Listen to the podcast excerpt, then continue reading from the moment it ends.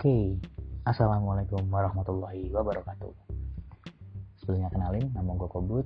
Gue mahasiswa Fakultas Farmasi di salah satu perguruan tinggi negeri di Yogyakarta. Dan gue mau iseng-iseng aja buat ngisi waktu luang. Coba bikin podcast dengan apa pun yang pengen gue omongin. Jadi sebenarnya obrolan-obrolan santai aja. Bacotan-bacotan gue, opini-opini gue tentang apa pun dan gue coba buka buat episode pertama ini gue akan obrol obrolin tentang olahraga yaitu sepak bola. Dan bismillah gue namain konten gue ini dengan meta atau mediocre talker yang artinya bicara biasa-biasa aja. Jadi nanti baik isinya topiknya maupun yang ngomong juga ya orang biasa-biasa aja dengan obrolan biasa-biasa aja. Jadi ya walaupun gue yakin gak ada yang berharap banyak isinya bakal edukatif inspiratif tapi ya warning aja. Buat yang berharap kayak gitu nggak akan ada di, di sini jangan ditemukan karena isinya akan bacotan-bacotan biasa dan ringan-ringan aja topiknya. Oke buat metal yang pertama gue mau buka dengan obrolan tentang sepak bola. Sepak bola luar negeri tapi bukan di Indonesia. Karena sebenarnya gue sendiri juga nggak begitu ngikutin Liga 1 gue ngikutinnya lebih ke sepak bola luar negeri. Gue adalah Cules atau fans Barcelona. Tapi kali ini gue mau, bahas salah satu tim di Premier League.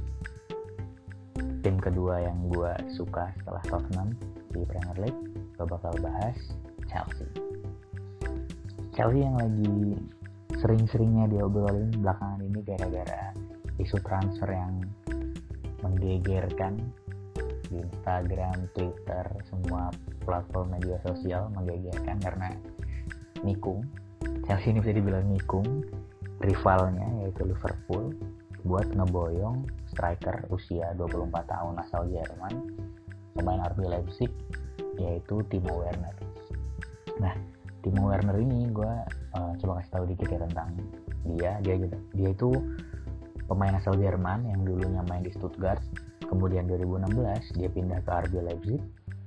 Dan di RB Leipzig musim ini dia udah main dengan cukup baik dia udah nyetak 21 gol di Bundesliga dan totalnya 31 gol di semua kompetisi yang dia ikutin.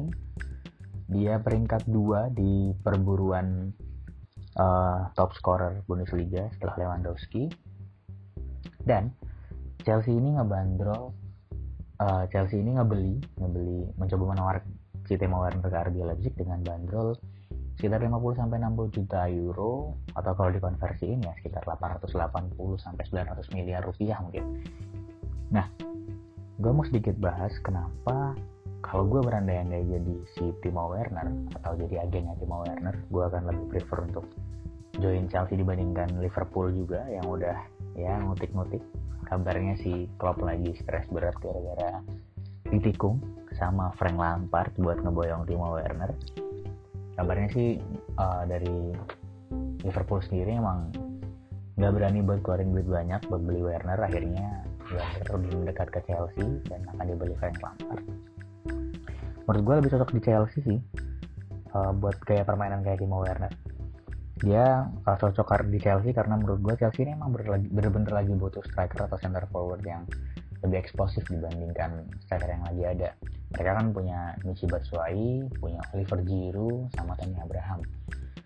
Kalau gue ngomongin Giroud aduh males banget sih anjing ini Giroud ini postur gede tapi lari nggak bisa. Jadi bingung yang supply bola. Mau diterobos dia nggak bisa lari body balance nya juga kalau ketemu back back gede kayak Maguire terus jangan jangan kan Maguire lah ketemu Lindelof juga udah kalah ke mana-mana dia. Ketemu Laporte ketemu John Stones. Giroud nggak bisa apa-apa. Dia ngandelin duel udara juga ya nyatanya sampai sekarang juga Chelsea mungkin nggak ke arah sana mainnya juga dan Giroud juga nggak bisa buktiin sebagus itu. Batshuayi juga ya ampun kayak kampret mainnya kalau jadi starter dia super sub sih dari zaman dulu emang dari zaman Batshuayi mulai mencuat namanya.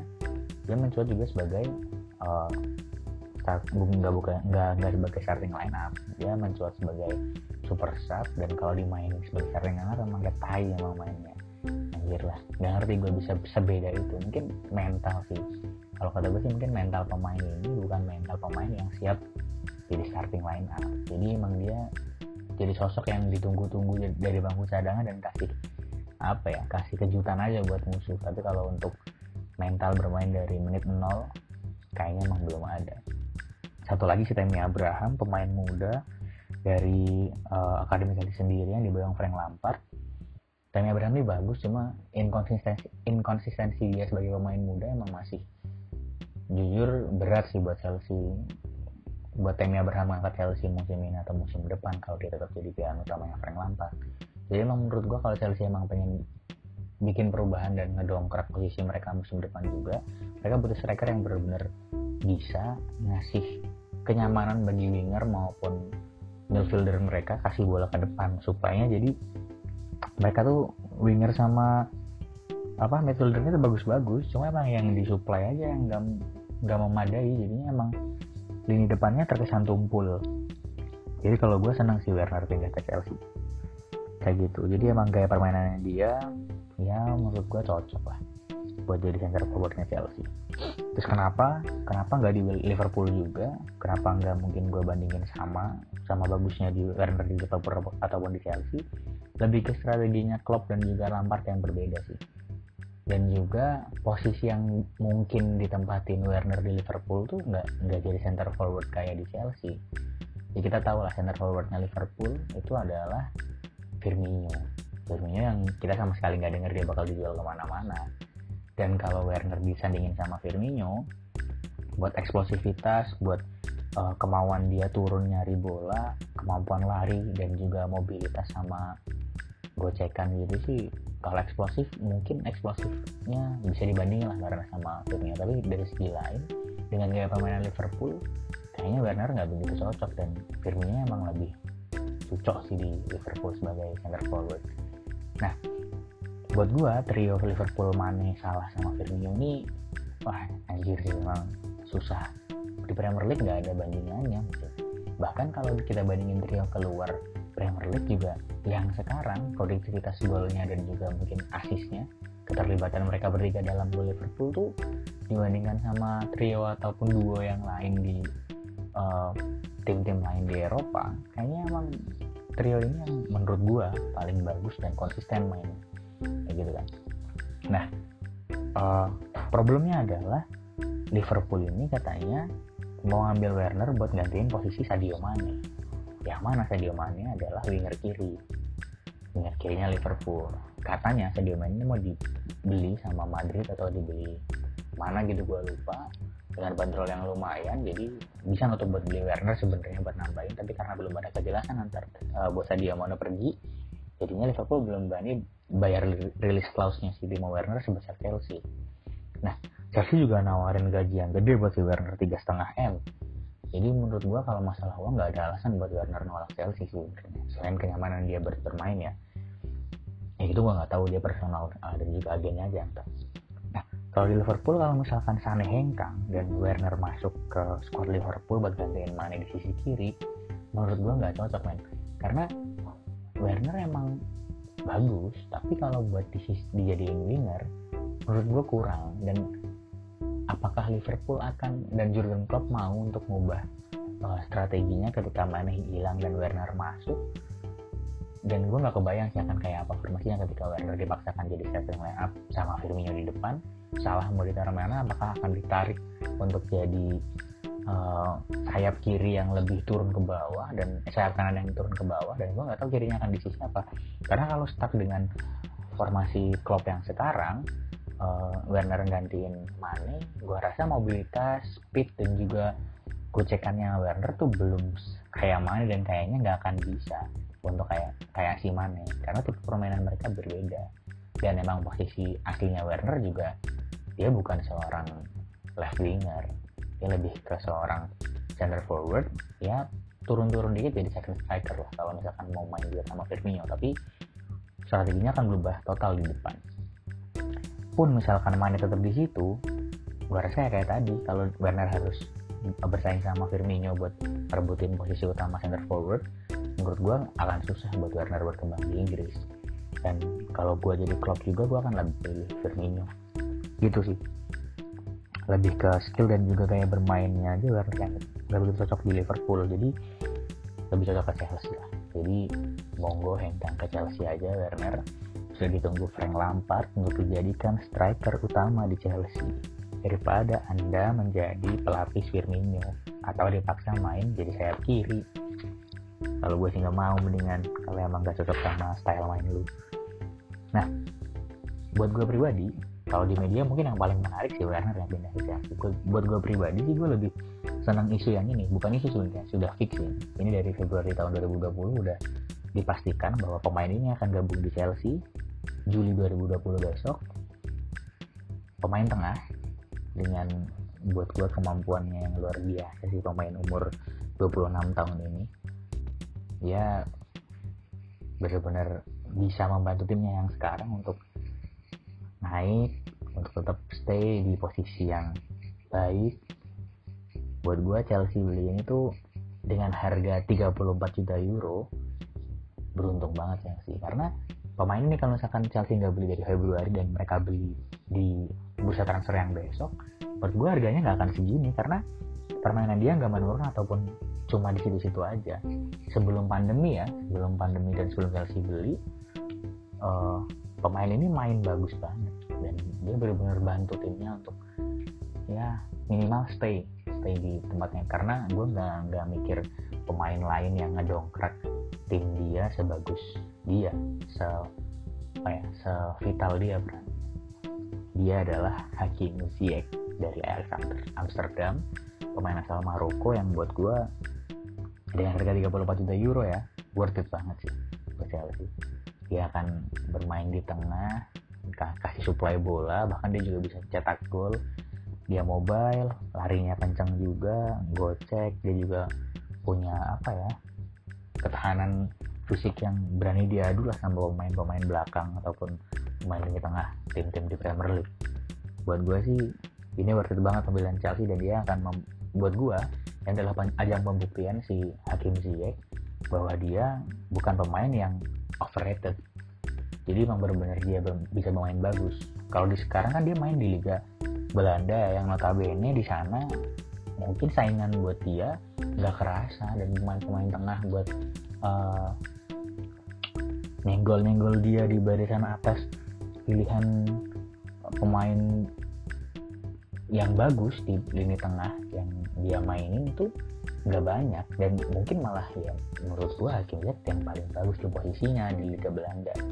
Tapi kan banyak yang ngobrolin katanya overrated karena dia main di, di Liga Belanda. Coba pindah ke Inggris ataupun pindah ke liga lain yang lebih kompetitif yang pemain tengahnya lebih bagus dirasa nggak akan sebagus itu. Tapi menurut gua kalau dia pindah ke Chelsea dan dia bisa tetap bermain bagus dan kasih apa ya kasih peran penting kayak De Jong di Barca orang nggak akan nggak akan ngomong gitu lagi. Cuma kan tutup mulut dan dia bisa bilang shut the fuck up buat orang-orang yang ngeremehin dia buat ngatain dia overrated buat gue sih ada pembuktian dan gue percaya Hakim Ziyech akan kasih performa terbaiknya di Chelsea. Terus isu lagi adalah Chelsea ini katanya mau beli back kiri full back kiri buat gantiin Marcos Alonso. Gue nggak tahu sih Marcos Alonso mau ditransfer ke mana tapi kayaknya sih ini problemnya bukan bukan Marcos Alonso yang mau pindah atau gimana gimana tapi gue rasa Frank Lampard udah ngerasa fullback kirinya yang diisi sama Marcos Alonso ini kurang efektif. Karena menurut gue sendiri Alonso ini mainnya emang buat overlappingnya. Kayak nanggung pemain nanggung. Overlappingnya biasa aja crossingnya biasa aja defense-nya juga. Ya kadang keteteran kalau dia di depan buat balik lagi. Apalagi ketemunya kayak winger kanan kayak Salah terus Bernardo Silva atau Raheem Sterling keteteran banget buat lari balik ya buat gue jadi emang Marcos Alonso emang harus diganti. Ataupun kalau misalkan gak di transfer ya dicadangkan lah. Dan Chelsea harus punya back gantinya menurut gue nah tapi yang gue nggak seneng adalah kabar bahwa Chelsea akan beli seorang pemain yang menurut gue overrated banget dan harganya gila-gilaan ugal-ugalan banget sih. Harga 60 juta euro buat pemain usia 23 tahun. Dan menurut gue nggak sebagus itu. Ya kalau kalian para fans The Blues yang menganggap ini adalah pembelian akan bagus menurut gue terlalu overrated karena media besar membesar besarkan sih menurut gue Ben Chilwell namanya pemain The Foxes Leicester City. Dia uh, kebangsaannya Inggris. Usia 23 tahun yang menurut gue bandrol 60 juta euronya. Gila buat wah seorang pemain kayak Ben Chilwell ya. Dibandingin sama back-back kiri yang kelas atas masih jauh Alaba, Jordi Alba, Marcelo. Gak usah kayak gitu lah kayak pemain yang lagi gue suka nih ya. Full back kiri Tagliafico dari Ajax. Amsterdam jauh masih gue pikir Ben Chilwell nggak sebagus itu. Di Leicester pun dia nggak sebagus itu. Jadi kalau buat gue terlalu overrated dan gue nggak nggak begitu setuju sih kalau emang Ben Chilwell dikejar segitunya sama Frank Lampard. Tapi nggak tahu sih karena Frank Lampard emang suka pemain-pemain muda yang usia ya 20 20 sampai 25 24 lah. Frank Lampard. Dia kayak nggak pengen beli pemain yang udah tua. Kayak gitu sih. Tapi yang lebih gila lagi katanya buat dapetin si Werner sama Chilwell ya lu bisa hitung sendiri lah. Chilwell kalau bandrol 60 juta aja tuh buka harga dari Leicester. Kalau Chelsea nggak bisa apa ya nego harganya dan turun dan malah dinaikin sama Leicester ditambah Timo Werner yang bandrolnya sekitar 50 sampai 60 juga itu pengeluaran gila-gilaan sih. Belum lagi gajinya Chilwell kan. Gaji Werner aja udah tiga setengah m. Nah kabarnya Chelsea kalau misalkan mau boyong dua-duanya nih mereka harus rilis sekitar 5 sampai 7 pemain kan gila.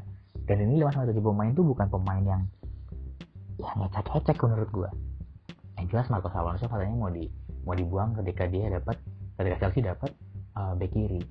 Tapi menurut gue yang gue lihat ya dari squadnya Chelsea sebenarnya di back kiri juga di back kiri juga sebenarnya mereka nggak punya nggak punya back yang bagus-bagus amat.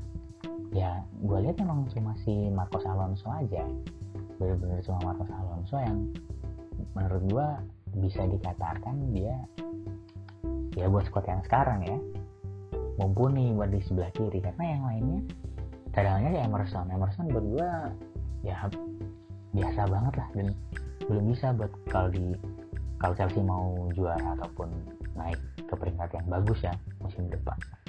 Buat gue belum bisa. Jadi Marcos Alonso kalau buat gue dicadangin tapi jangan dijual. Terus yang kedua ada si Jorginho yang si Mauricio Sarri ini dari Juve ngebet banget tuh ngeboyong dia ke Juve.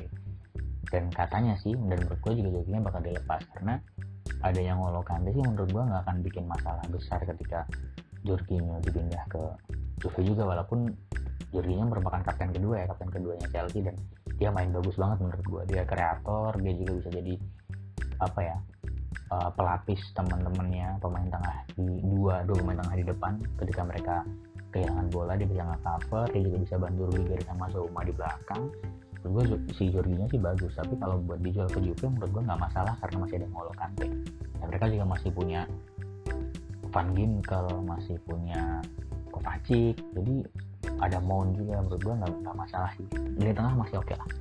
Tambah lagi Hakim Ziyech terus katanya Kurt Zouma juga mau dibeli tapi belum tahu siapa yang beli. Terus yang udah uh, deket-deket katanya mau dibeli sih si strikernya mereka Michi Batshuayi itu udah dideketin sama Crystal Palace sama Newcastle kemudian juga ada si ya ini gue nggak peduli sama dia si Ross Barkley gue anjing lah pemain useless banget menurut gue main juga kayak kayak kampret menurut gue Barkley mau dibuang ke mana juga gue udah aman dirilis so nggak masalah kalau buat gue terus katanya Pedro sama William juga habis kontrak musim ini terus kalau misalkan Pedro sama William gak diperpanjang itu cuma ya dikit-dikit lah ngurangin salary buat tim. Tapi kalau masalah transfernya karena habis transfer ya mereka akan uh, transfer gratis kayak gitu. Nah kalau buat gue gue lebih milih ini juga ada isu kan. Jadi ada isu lagi selain Ben Chilwell di back kiri itu Chelsea juga mau datengin Nicolas Tagliafico yang tadi gue bilang gue lagi seneng-senengnya sama permainan dia di Ajax. Sama yang kedua ada Alex Alex Teles Teles Teles Teles ya itulah pokoknya. Nah kalau buat gue lebih mending si Frank Lampard nih jadi Tagliafico yang dibandingkan Chilwell sama Teles sih menurut gue ya kalau gue boleh urutin ya kalau dari performa Tagliafico, Teles, baru Chilwell karena gue gak, gak demen sama Chilwell terlalu biasa menurut gue dengan Red gitu ya dengan Red dan uh, bandrol segitu menurut gue nggak worth sama sekali. Niklas Tagliafico ini uh, dia pemain di Ajax usianya memang 27 tahun mungkin lebih tua jauh dari Chilwell tapi menurut gue worth it karena Chelsea butuh menurut gue menurut butuh left back full uh, full back kiri yang bagus sekalian buat nopang uh, striker buat nopang Kepa juga buat nopang center back mereka yang mediocre semua kayak Yoma Rudiger, Christian sama Tomori buat gue sih worth it kalau beli Tagliafico dan kalau lu tahu uh, bandrolnya itu cuma tiga sekitar 30 juta euro jadi ya men dibandingkan 60 juta euro dapat Chilwell gua sih mending mending Tagliafico sekali kalau misalnya mikirnya masalah karir ke depan 27 tahun menurut juga belum usia yang tua dan masih oke okay lah buat main. Masih panjang juga karirnya dan lagi bagus-bagusnya Tagliafico terus tapi problemnya adalah Tagliafico ini juga diincar sama Arsenal sama Barca. Dan Barca lebih Barca sih lebih dekat sih lebih dekat. Lebih dekat Tagliafico dibandingkan Arsenal. Jadi ya saingan beratnya Chelsea Barca lah. Dan masalah duit sih ya kalian semua tahu lah kami cules tenang kalau masalah uang. Dan bandingnya cuma sama Chelsea. Nah terus yang setelah itu ada si Teles Teles atau Teles Alex Teles itulah pokoknya. Dia juga uh, di Inter Barca juga. Sama kayak si Tagliafico. Nah ini uh, Chelsea punya di bawah bayang-bayang Barca lah kalau mau datengin si Tagliafico sama Teles nah uh, menurut gua kalau gua misalkan Barkanya juga uh, diasumsikan duitnya sama kayak Chelsea gua sebagai kalau gue jadi uh, Frank Lampard ya gue jadi orang yang megang Chelsea gue akan lebih milih Tagliafico dan ngebiarin Teles ke Barca sih kalau buat gue tapi uh, kalau masalah rating emang gue yakin Tagliafico dibandingkan si Chilwell sama si siapa tadi? Teles tadi ya.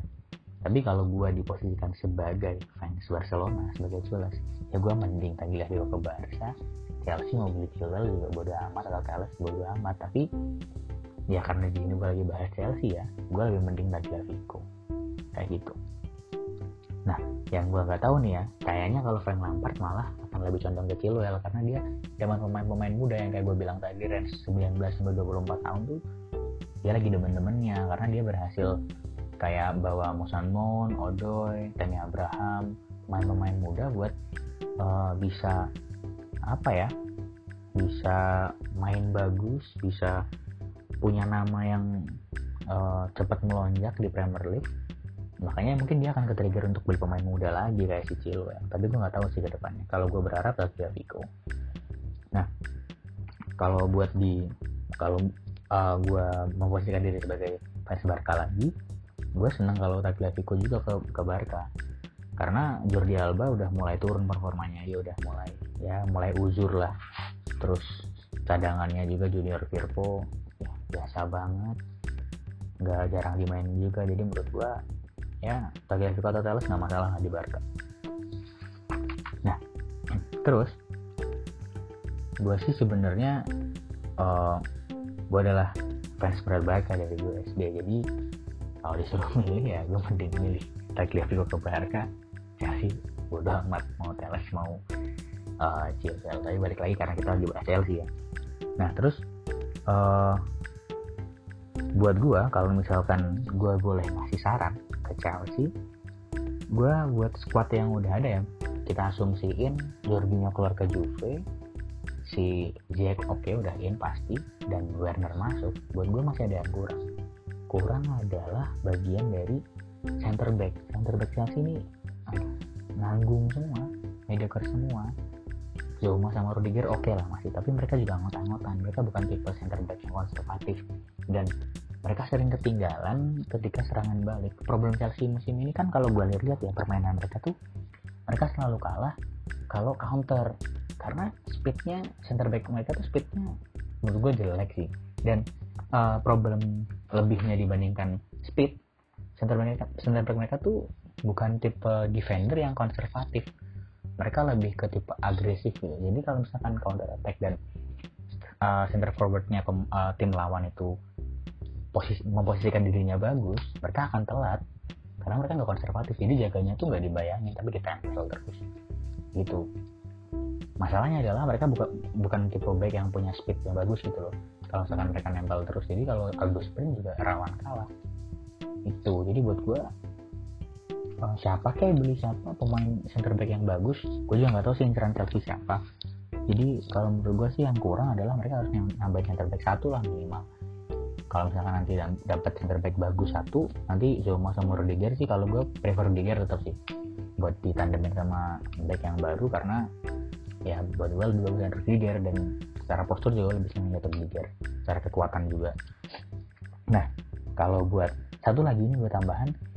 Sebenarnya dari sisi kiper gue sih Kepa sih gue yakin bisa-bisa aja. Tapi ini masalah pribadi gue aja sih. Gue nggak nggak nggak senang sama Kepa karena dia bisa main bagus usia juga nggak masalah tapi attitude dia tuh kayak anjing.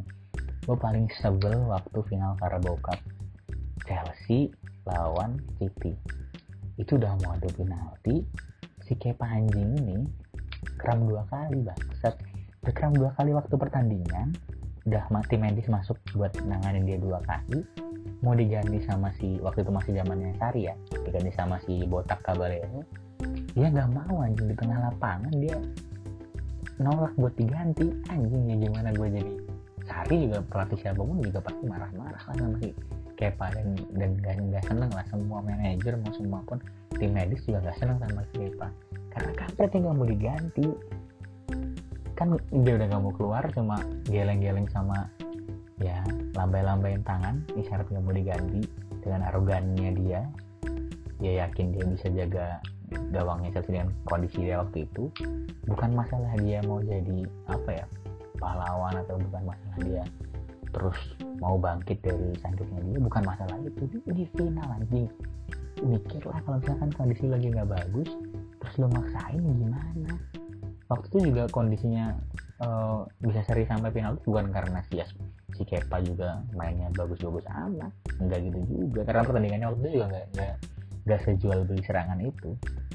Jadi menurut gue gue nggak senang sama apa ya uh, attitude-nya aja sih apa dan waktu itu juga mampusnya uh, Chelsea kalah. Ada penalti sama City. Jadi dia gagal lah jadi pahlawan kesiangannya Chelsea. Mampus aja udah nah yang terakhir nih. Terakhir uh, tentang gue mau coba kalau gue posisi di Frank Lampard dengan squad depan gue akan coba buat bikin dua opsi formasi buat Chelsea musim depan. Kalau formasi utama yang gue pengenin kalau gue nanganin Chelsea jadi Frank Lampard gitu ya. Formasi pertama yang bakal gue jadi andalan adalah 4-3-3 di mana komposisinya adalah kipernya tuh Kepa udah pasti. Karena Caballero sama Cuming aduh kiper anjing itu juga. Masih mending Kepa walaupun Kepa juga anjing center back ini kalau misalkan Chelsea bisa beli pemain baru center back bagus baru duetin Rudiger sama yang baru. Kalau misalkan kita kondisinya kayak sekarang nggak ada nggak ada center back baru ya Zoma sama Rudiger lah. Christensen mau udah itu dibuang udah bodo amat gua. Tomori ya ya belum banyak kesempatan karena dia juga masih muda. Terus buat back kirinya tadi itu kalau misalkan mereka jadi beli gue prefer Tagliafico kalau misalkan mereka jadi bilang cukup tapi ya pun kalau mereka jadinya Chilwell ya udahlah Chilwell tapi yang jelas Marcos Alonso harus diadangkan atau kalau misalkan dibuang ya bodo amat. Buat fullback kanan ini sebenarnya gue agak bingung sih. Tapi uh, eh, gue senang sama si Rich, Rich James. Dia pemain muda yang speednya luar biasa menurut gue di jadi fullback kanan. Dia juga bisa overlapping dia bisa kasih umpan ke tengah juga dan dia juga nggak bukan tipe fullback yang males buat turun ketika dia udah overlap tapi buat gue gue akan tetap pilih dan pertamanya adalah Aspilicueta. Cesar, Cesar Aspilicueta. Gue suka banget sama main ini karena selain dia bisa main bagus dia juga sosok leader di Chelsea. Sekarang kalau Jorginho pindah uh, ke Juventus dan Aspilicueta nggak main gue juga nggak kepikiran siapa yang bakal jadi kapten dan apa ya nge-build semangat dan juga mentalnya pemain-pemain kaki di lapangan buat gue Spilicueta tetap jadi peran utama sih. Jadi Christian mungkin jadi pelapis. Terus di tengah gue akan pilih Kante sebagai defensive midfielder buat cover dua pemain di depannya sama nge-cover si Zoma sama Rudiger juga. Nah, di depan uh, di pemain tengah depan attacking mid attacking midfielder gue akan pilih Hakim Ziyech. Jelas yang keduanya adalah bisa Mason Mount atau Kovacic. Tapi gue prefer untuk Mason Mount. Terus buat di tiga di depan uh, left wingernya opsi pertama gue tetap Odoi. Walaupun ya dia masih masih ya masih labil lah pertandingan pemain permainannya tapi gue masih tetap Odoi di kiri. Kalau misalkan Odoi nggak ada uh, Pedro baru polisi di kanan. Uh, kalau misalkan yang kiri dari Odoi gue kanan akan prefer ke Pedro. Kalau Pedro dimainin di kiri kanannya akan gue ganti dengan William buat striker jelas Timo Werner. Nah itu buat formasi kalau 4-3-3 tapi gue mikir sebenarnya si Abraham nih juga Temi Abraham juga bagus dan sayang kalau nggak dimainin nah makanya opsi kedua gue buat uh, apa namanya Chelsea Chelsea musim depan kalau misalkan Temi Abraham sama Werner mau dimain dua-duanya gue pilih formasi 3-1-4-2 atau ya bisa disebut gampangnya 3-5-2 lah dengan di kiper tetap ada Kepa. Terus tiga center back ini um, akhirnya gue akan pilih kalau misalkan kalau misalnya uh, formasinya mau begini sih nggak beli back kiri menurut gue nggak apa-apa. Atau beli tapi dia main dimainin jadi wing back. Nah buat center back 3 uh, gue berharap sih kalau misalkan mau mainin tiga center back besok mereka beli center back satu yang bagus dan uh, trionya di belakang ada Rudiger, Zoma sama center back baru ini siapa kayak terserah. Kalau misalkan nggak ada ya Zoma Rudiger sama Aspilicueta nah di tengah di defensive midfielder gue akan plot Kante tetap tak akan tergantikan pemain ini. Terus nanti di sayap kiri kanan bukan posisinya bagi winger ya jadi uh, left midfielder sebutnya sama right midfielder gue akan pilih Odoi atau Pulisic. Dan di kanan gue akan prefer William daripada Pedro kalau posisinya seperti ini. Karena uh, sebagai pemain kanan di sisi kanan yang gak terlalu di depan dan dia mau turun gue lebih prefer William dibandingkan Pedro. Dan uh, kalau masalah speed sih gue lebih senang uh, lebih senang Pedro. Tapi kalau buat konservatif naik turun gue lebih pilih William nah di kirinya Odoi atau Pulisic. Atau kalau misalkan Chelsea mau takut buat masalah defensifnya ketika mereka jadi beli Chilwell atau Tagliafico di sebelah kirinya bisa mainin antara mereka berdua. Di tengah depan Hakim Ziyech jelas sama Mason Mount. Atau Kovacic lah bisa juga pemain itu dan di depan main second striker Tammy Abraham dan center forwardnya adalah Timo Werner. Buat gue kayak gitu. Formasi yang bisa gue tawarkan atau gue uh, coba buat main di Chelsea gue main di PES atau di FIFA ya kalau pemainnya begitu. Atau mungkin ya Frank Lampard juga mungkin nggak beda jauh gue pikir uh, strateginya kayak gitu. Oke okay, ya ternyata gue bacot lama juga nyampe 30 setengah jam lebih anjir. Buat podcast pertama tapi nggak apa-apa. Ya ini gue buat iseng-iseng aja. Mungkin sekian aja buat podcast pertama gue episode pertama di metal media Talker ini tentang Chelsea dan segala hiruk pikuknya di bursa transfer dan juga musim 2019-2020 ini. Buat uh, fans The Blues silahkan didengarkan. Buat yang non The Blues yang gue didengarkan iseng-iseng aja. Buat teman-teman yang mau senang coba dengerin bola juga mau dengerin aja. Jadi yang penting itu dulu dari gua Kobut sekian. Terima kasih yang udah dengerin. Assalamualaikum warahmatullahi wabarakatuh. Sampai jumpa di episode berikutnya